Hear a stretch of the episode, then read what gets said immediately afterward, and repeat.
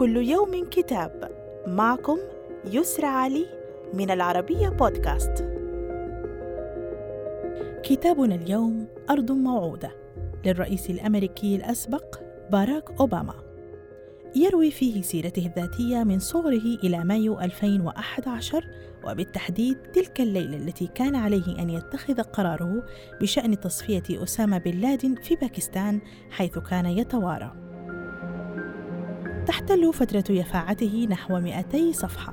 وبدأ في كتابه هذا أكثر ارتياحا لناحية وصف ذكرياته عن طفولته بإندونيسيا ومتعه الشخصية مراهقا في أجواء هاواي الطبيعية والاجتماعية مقارنة بتجنبه الحديث عن تلك المرحلة عندما كان رئيسا ووظفها الجمهوريون ضده في ذلك الحين.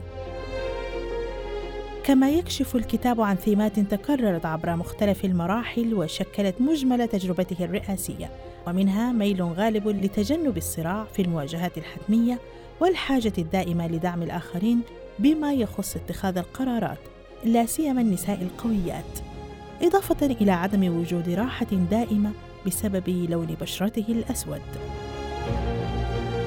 صدر الكتاب عن Crown Publishing Group وإلى اللقاء مع كتاب جديد.